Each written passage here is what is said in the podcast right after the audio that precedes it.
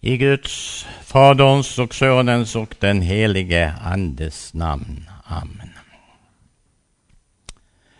Giv oss, o Gud, din Ande god, som på din väg oss leder. Upplyser, styrker, höger mod och nådigt oss bereder. Att vi ditt ord må rätt förstå och oss därefter ställa så att ditt namn alltid helgas. Vi prisar dig, o Fader kär, vid dig, o Jesu ära. Dig helga and som trösten är, vi lika lov hembära, som det i alla tider skett och ännu sker i evighet. Vi sjunger därtill Amen. Så tackar vi dig Herre att vi än en gång får samlas här omkring ditt ord. Tack för att du är densamme, igår, idag och i evighet. Tack för att du vill att alla människor skulle komma till kunskap om sanningen, om frälsningen. Tack för att du har berett allt så väl åt oss, så att vi kan få vara med och sjunga Två mig i det renande blodet. Att vitare jag blir än snö. Herre Jesus, kom du själv. Kom du med din gode helige Ande och var oss nära och välsigna denna dag, dessa ord som vi ska stanna inför. Vi ber i ditt eget namn och för din egen skull och enligt dina löften. Var oss nära för ditt namns skull. Amen.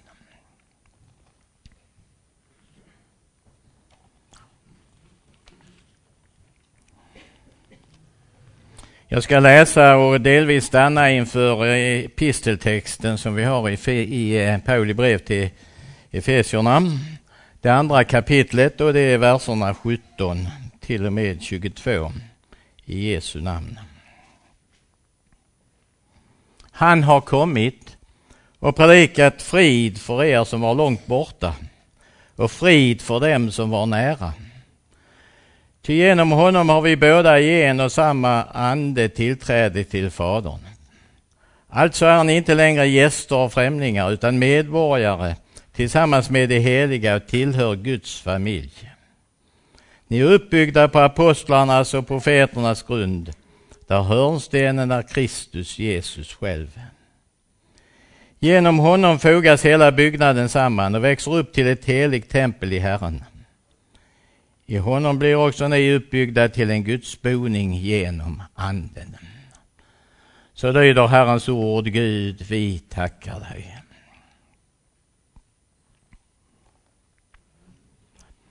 Den helige Ande har vi som överskrift. Vi tror, jag tror på den helige Ande, en helig allmänlig kyrka. Det heliga samfund, syndernas förlåtelse, kroppens uppståndelse och ett evigt liv. Och Luther har förklarat det så, jag tror att jag inte av eget förnuft eller kraft kan tro på Jesus Kristus, min Herre eller komma till honom, utan den helige Ande har kallat mig genom evangelium.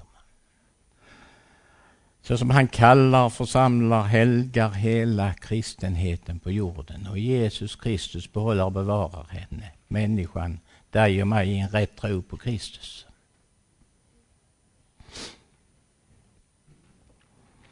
I eh, dagens evangelium så läser vi om att Jesus han kommer till en högtid och står där och ropar om någon törstar så får han komma till mig och dricka. Jag ska också läsa de orden i Johannes sjunde kapitel, vers 37 till 39. Det står så. På den sista dagen, den största i högtiden, stod Jesus och ropade. Om någon törstar så kom till mig och drick. Den som tror på mig ur hans innersta skall strömmar av levande vatten flyta fram, som skriften säger. Detta sa han om anden som det skulle få som trodde på honom, ty anden hade ännu inte blivit utgjuten eftersom Jesus inte hade blivit förhärligad. Och så är det så att pingsten inföll efter det att Jesus hade lidit döden på korset efter påsk. Vårt pingst inträffade sen. Och sen så for Jesus upp till himlen och tio dagar senare så skedde det stora undret som vi har som vår pingst. Bland judarna så var det en högtid då man bar fram förstlingsgåvan av skörden. Man hade också påminnelser om uttåget ur Egypten och ingången i Kanans land. Och så blev det också så att lagens utgivande firade man när det var pingst. Det var egentligen ingen så där väldigt stor högtid. Men det var många som hade kommit från olika länder och troligtvis var det så att man kom till påsk och så stannade man kvar. Det var många judar ute i, förskingrade ute i olika länder. Och vi kan ju läsa om det i Apostlagärningarna i det andra kapitlet. Jag ska läsa några verser där. Där är uppräknat en hel del länder som människor kom ifrån. Troligen var det judar som kom hem till eh, Jerusalem för att fira påsk och så stannar man där någon månad innan man får hem igen. Det står ju uppräknat olika människor. Eh, de eh, hörde sitt språk talas helt plötsligt på pingstdagen. Häpna och förundrade sa de, är det inte Galileer och alla dessa som talar? Hur kan då var och en av oss höra sitt eget modersmål? Vi som är parter, meder eller elamiter, vi som bor i Mesopotamien, Judeen, Kappadokien, Pontus, Asien, Frygien, Pamfylien, Egypten eller Libyen och Sirene till. Alla är inflyttade främlingar från Rom. Vi som är judar eller proselyter, kretenser eller araber, vi hör dem tala på vårt eget språk om Guds väldiga gärningar. Och så känner vi till att Petrus han predikade då och säger Israeliter, lyssna till dessa ord. Jesus från Nasaret var en man som bekände sig till inför er genom kraftgärningar, under och tecken som Gud genom honom utförde mitt ibland er, så som ni själva vet. Efter Guds fastställda plan och beslut blev han utlämnad och med hjälp av dem som är utan lagen spikade ni fast honom på korset och dödade honom. Men honom har Gud uppväckt och löser dödens onda eftersom det inte var möjligt att han skulle behållas av döden. Och så vet vi vad som följde. Människor började att få dåligt samvete för vad man hade gjort med Jesus. Vad ska vi göra? Vad ska vi göra? Och däribland där ibland dem var kanske också Paulus, även om inte han blev omvänd vid det tillfället. Han var en av dem som förföljde de kristna senare när de kristna uppträdde. Och så eh, sa ju Petrus där att de fick eh, vända om till Herren och de skulle få syndernas förlåtelse. Och det var 3000 som vid det tillfället blev döpta, kom in i den kristna församlingen. Och därför firar vi också pingst till minne av kyrkans födelse kan man säga.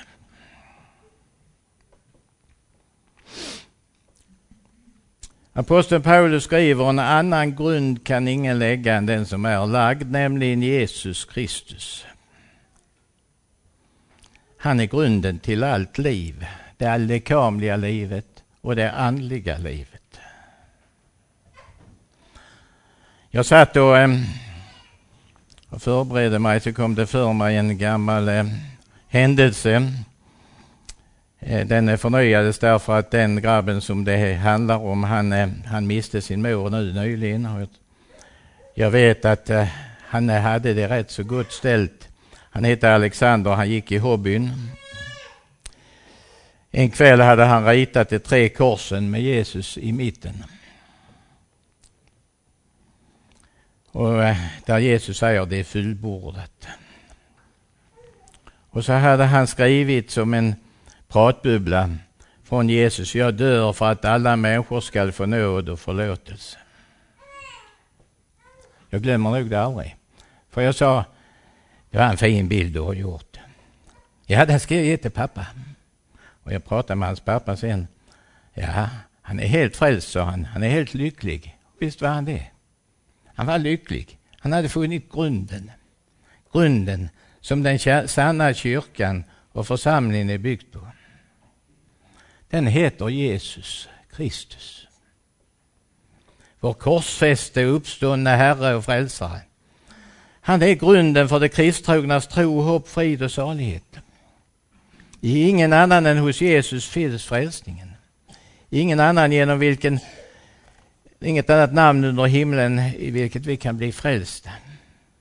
Genom Jesu namn och blod blir vi frälsta från alla synder, från dödens och djävulens våld. Aposteln skriver i Romarbrevet 4 att Jesus är utgiven för våra synders skull. Han är uppväckt för vår rättfärdiggöres skull. Och genom det då öppnade han vägen så att vi fick möjlighet att bli Guds barn. Guds barn. Egentligen är vi det för vi skapade som Guds barn. Anders Nilsson sjunger ju Guds kära barn om du kommit när men sorgebarn om du borta är. Det är alltså klart från Guds sida. För Guds skull behövs inget annat. Jesus stod på Golgata. Det är färdigt. Jag har en kvinna som har eh, kommit att tro genom att hon har varit med i eh, LP-stiftelsen och fått hjälp för sina problem. Hon kom en dag så säger hon att hon skulle ha en bok av en person, jag kan säga det var Olof Esinger. Varför vill du ha bok av honom? Jo, för han skriver så klart om att allt är färdigt på Golgata. Det är det som gäller. Det är färdigt. Vad som skulle ske för världens synd. För din och min skull. För att föra, kanske är det så att vi ofta har sorg över synden, ånger och kval. Och det kan vi också få och det ska vi väl också dras med. Det är väl för att föra oss ner i ödmjukhet och driva oss in i den öppna frälsarfamnen. Och vi behöver visserligen också, precis som judarna, Guds lag, för det är Guds vilja. Men det är ingen som blir salig på den. Ingen som blir salig på att fullgöra Guds lag. För den har han själv fullgjort. Och det är det vi får ta emot. Det som är färdigt. Gud är helig och rättfärdig. Han kräver oss att vi ska vara heliga som han själv. Och vi blir inte stora om vi får klart för oss hur mycket synd vi har. När vi ser Guds heliga vilja i tio Guds bud. Visst är det så att vi behöver stanna upp.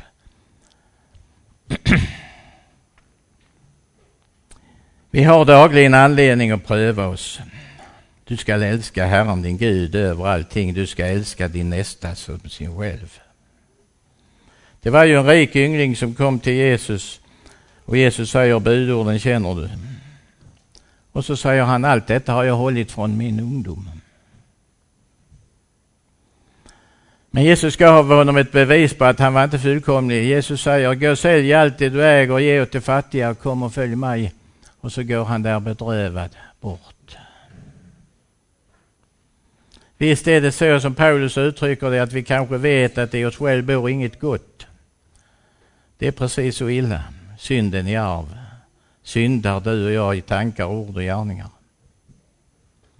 Men Paulus han säger, slutar inte med det. Han säger jag har lust till Guds lag efter den invärtes människan. Och så får vi gå till Herren själv och säga utrannsaka du mitt hjärta. Känn mitt hjärta, pröva mig och känn mina tankar.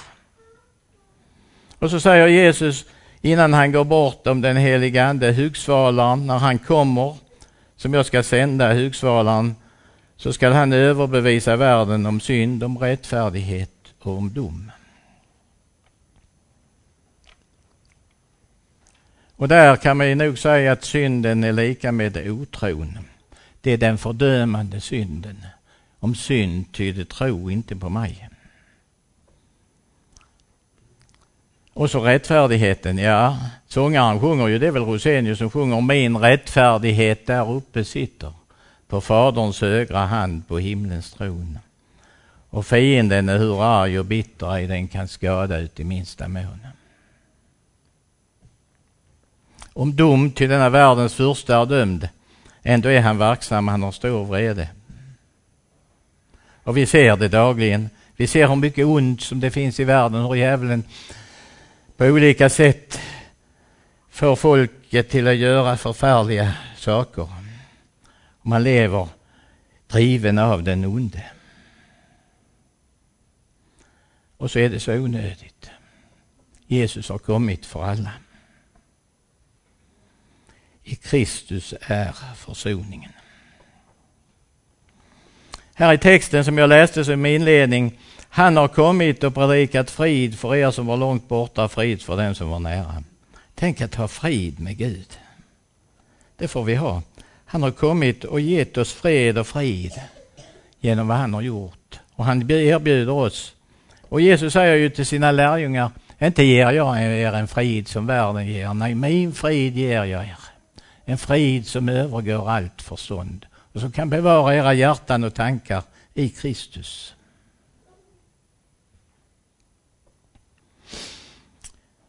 I Kristus är försoningen.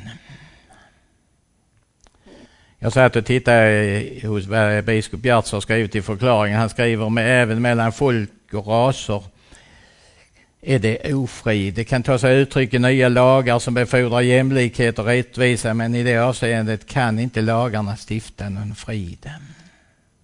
Det gör stora fredsavtal och eh, ondskan försvinner tror man. Nej, det gör den inte men man kan ändå hålla det i schack på olika sätt. Hur kan frid på jorden stiftas? Genom att människor blir ett i Kristus. Här i Efesierbrevet skriver Paulus i det föregående. Kom därför ihåg då det var tidigare, ni var hedningar och kallade sig omskurna av den som kallar sig omskurna med den omskärelse som utförs på kroppen med människan. Ni var på den tiden utan Kristus, utestängda från medborgarskapet i Israel, hade ingen del i förbunden med deras löfte. Ni levde utan hopp och utan Gud i världen. Men nu har ni som är i Kristus Jesus, som en gång var långt borta, kommit nära genom Kristi blod. Ty han är vår frid, han som gjorde det två till ett och rev ner skiljemuren. Detta skedde när han i sitt kött tog bort fiendskapen, lagen med dess bud och stadgar, för att de båda i sig skapa en enda ny människa och så skapa frid. Så skulle han i en enda kropp försona de båda med Gud genom korset sedan han där hade dödat fiendskapen. Att få frid med Gud, det betyder att få frid och frihet i hjärta och samvete. Men också frid mellan människor. En afrikan som kom till Nitopp för en tid sedan satt där och så sa han, det är inte så lätt att vara kristen, jag måste ju göra upp med allt förflutna. Jag har ju rätt så många ovänner och annat. Det kan man ju inte ha när man är kristen. Nej, det är inte så enkelt. Men det är stort att vi får ha det så att vi får också göra upp med våra ovänner. Skiljemuren är nedbruten. Den skilde oss från Gud. Utan hopp, utan Gud i världen. Men nu, nu behöver vi inte leva så. Att få frid med Gud, det betyder att ha frid och frihet i hjärta och samvete och frid mellan människor. Det är då inte frågan om någon sorts god sinnesstämning utan det är ett verkligt förhållande. Jesus har dött. Han har dött för mig. Han har dött för alla. Han har dött för att vi ska leva genom honom. Vi är Kristi lemmar, stod det här. Genom honom har ni båda i en och samma ande tillträde till Fadern. Alltså är ni inte längre gäster och främlingar utan medborgare tillsammans med det heliga och tillhör Guds familj. Medborgare i Guds rike genom tron, genom dopet, genom Guds beslut och plan. Det är något oerhört. Guds husfolk. Där kan vi leva i trygghet och skydd av honom som har all makt. Och så tar Jesus, eller eh, aposteln där bilden av en byggnad. Grunden är lagd, den kan eh, egentligen inte rasa samman. Hörnstenen är Kristus. Ni är uppbyggda på apostlarnas och profeternas grund där hörnstenen är Kristus, Jesus själv. Genom honom fogas hela byggnaden samman och växer upp till ett heligt tempel i Herren. I honom blir ni också uppbyggda till en Guds boning i Anden. Vi är lemmar i den sanna kyrkan. Vi är medlemmar i Guds rike. Vi är Guds husfolk. Och det är en jättestor släkt. Det är många syskon i den släkten. Och så säger aposteln, ni är ett tempel med en fast grund där Kristus är den fasta klippan.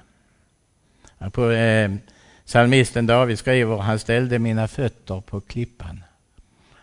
Han gjorde så att jag kunde få en fast grund.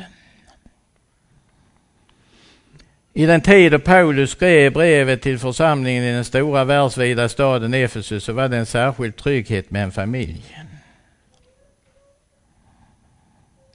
Man hade särskilda förmåner. Den enskilde hade ett nätverk kring sig som garanterade välfärd. Det är så fortfarande i vissa kulturer. Det är väl knappt så längre i Sverige. Och det var faktiskt så att stod man utanför en familj så var man ganska rättslös. Och egentligen är det så i det andliga. Om vi inte är med i Guds familj, då är vi rättslösa. Då är vi på väg mot fördärvet. Då är det inte så väl ställt.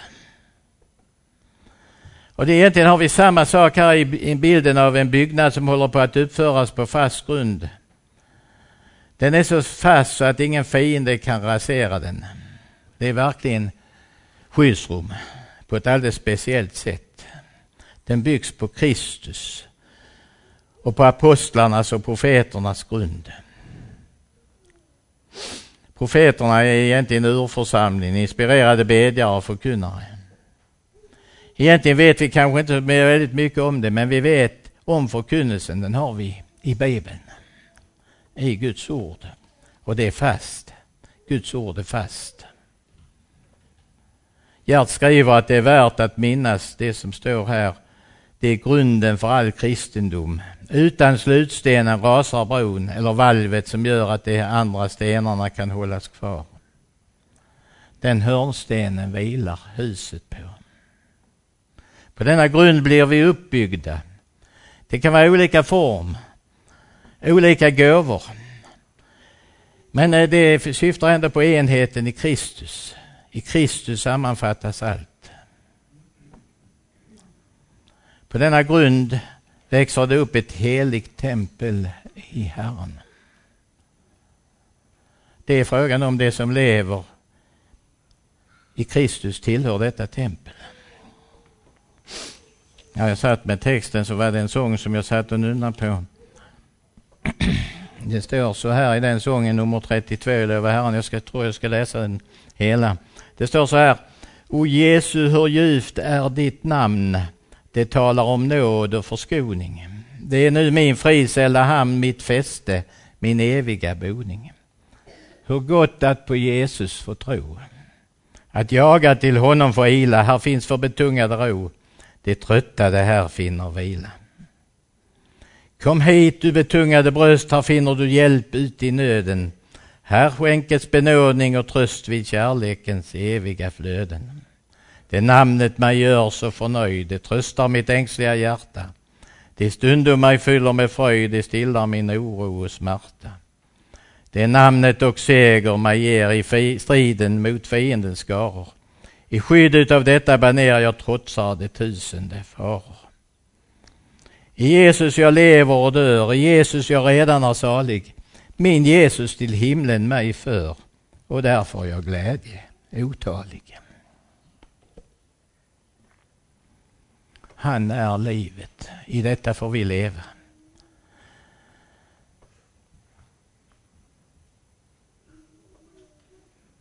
Det betyder inte att eh, om vi känner oss rörda eller gripna eller angenämt tröstade utan bokstavligt menat så betyder det faktiskt att vi är infogade i kyrkans byggnad.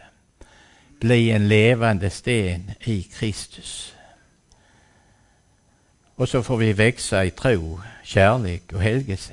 Och så får vi be Jesu tag du mitt arma hjärta. Tag det sköte som du vill. Se med all min nöd och synd och smärta hör jag dig ju ändå till. Därför att han har köpt oss så dyrt med sitt blod.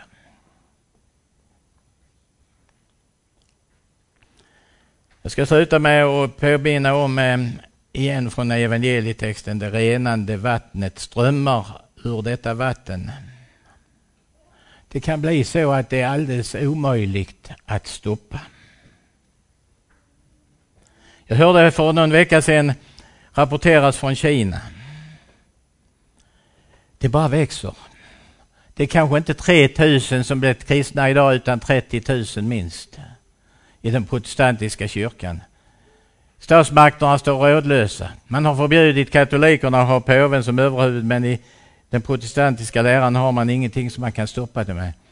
Och rapporten sa om eh, några år så 2030 då mer än en tredjedel av Kina säkert kristet. Det innebär 350 miljoner kristna. Det är så i fler länder. För en tid sedan såg jag på eh, tv hur, vilket problem man har i Iran där det är förbjudet att vara kristen och lägga den här slöjan och alltihopa. Där satt ungdomar vid café i stan och hade kastat alltihopa så vi tillhör Jesus. Och det var så många så de kan inte arrestera dem. Det är en kraft. Vi går ofta här och gnäller över att det, det händer ingenting och så är det stora saker som händer. Både i Indien, Irak, Iran, Afrika, i Kina och stora delar av kontinenten. Och så fastnar vi ibland i, i det negativa. Och så går vi in, precis som det stod i, i den gammaltestamentliga texten i söndags, om Elia. Han gick in och satte sig i en grotta och, och tänkte, ja, han bad till och med Herre tag mitt liv, jag är ensam kvar. Och så kommer Herren till honom och så säger han, vad gör du här Elia? Gå ut ur grottan, jag ska visa dig. Och så får han se både en stor och stark storm. Han får se en hel del och så till sist i den sakta vinden, då kommer Herren. Och så säger han, nu ska du gå iväg och du ska och du är inte ensam, det finns 7000 i Israel som inte har böjt knä för balan. Det är faktiskt så. Vi har det ju rätt så trångt många gånger i vårt land och många kristna blir angripna. Men vi får frimodigt ändå gå ut. Och det finns människor som gör det. Jag tänker ibland på Karin och Rickard som är här och sjunger. De sjunger och de sjunger. Det är härligt. Sluta inte.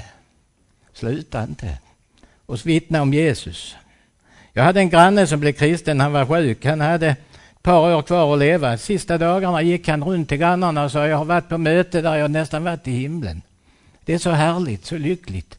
Jag skäms när jag får höra av grannarna att han har gått runt och berättat om hur han hade det. Han var här i Eket på ett sommarmöte så sa han, jag fick vara på nattvardsgång, det var tusen personer. Det var som, jag var nästan kommit hem.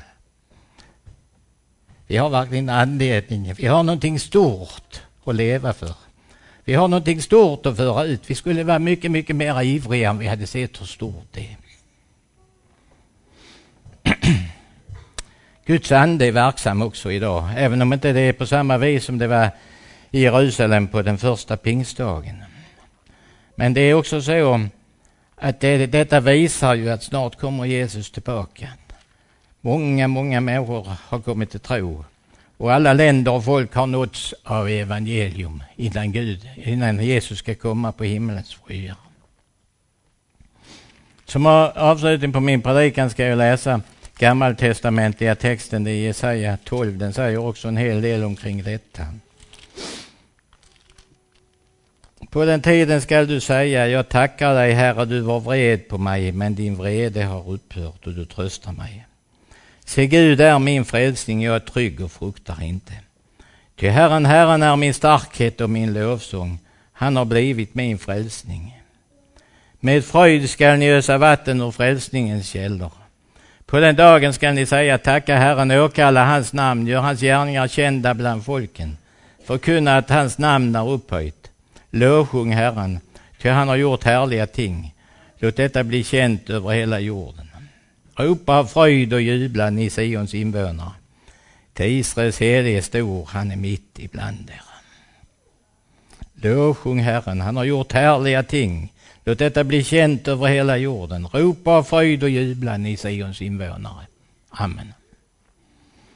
Så tackar vi dig Herre för att du är så stor, för att du är så mäktig, för att du har kommit hit till oss. Du kommer med din ande, du kommer med ditt ord. Du vill vara mitt ibland oss. Vi ber också för fortsättningen här. Kom du själv och var oss nära. Välsigna ditt ord på våra hjärtan för ditt namns skull. Amen.